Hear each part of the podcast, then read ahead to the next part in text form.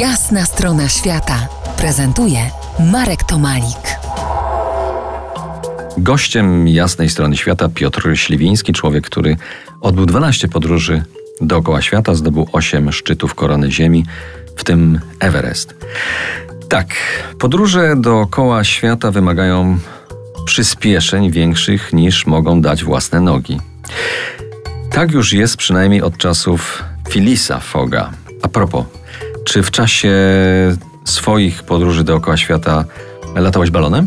Balonem jeszcze nie latałem. Y, kilkanaście środków transportu mam za sobą w przemierzeniu świata, ale faktycznie balon jeszcze mnie y, pewnie czeka. No właśnie, bo jakoś tak z balonem najbardziej kojarzy mi się podróż w 80 dni dookoła świata. E, Dobrze, to teraz te inne środki transportu. Pamiętam krakowianina Marka Michela, nie wiem czy kojarzysz tego człowieka, który w latach 70. objechał świat na WSC 125. Marek Świętej nie, pamięci. Tak, Marek już nie żyje, ale jego legenda ma się nieźle. Ty też y, jechałeś motorem, przejechałeś z Indii. Jechałem nawet z Markiem Michelem. Tutaj mogę O, cię proszę. zaskoczyć, Marku, ponieważ przejechałem z nim pół Ameryki autostopem. Zabrał mnie y, swoją ciężarówką, bo mieszkał w Stanach Zjednoczonych i przemierzyliśmy pół Ameryki, ponieważ każdy kontynent przejechałem autostopem, między innymi Stany Zjednoczone. Ale też y, motorem też była twoja eskapada, taka chyba bardziej samotna, z Indii do Krakowa, W tak? pierwszej podróży dookoła świata zakupiłem motocykl w Delhi i motorem przejechałem Pakistan, Iran, Turcję, pokonując 6000 km w 40 dni. Zresztą do tej pory mam ten indyjski motocykl e, w Krakowie i czasami na nim jeżdżę po mieście. Latasz samolotami?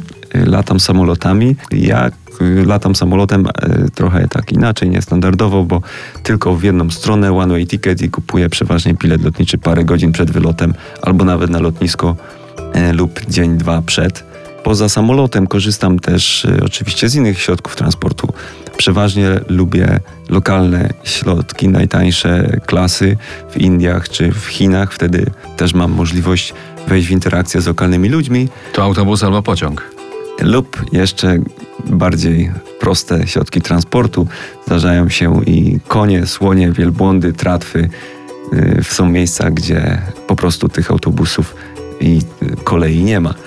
Albo tak jak w Afryce, jest autobus, ale dopiero wtedy wyruszy, jak się zapełni. Więc czasami bywało tak, że cały dzień w trzy osoby czekaliśmy, kierowca nie przyszedł, bo autobus nie był pe- pełny, więc trzeba wtedy się przemieszczać autostopem lub czymś innym. Na przykład traktorem. Tutaj w studiu parę tygodni temu był Marcin Obałek.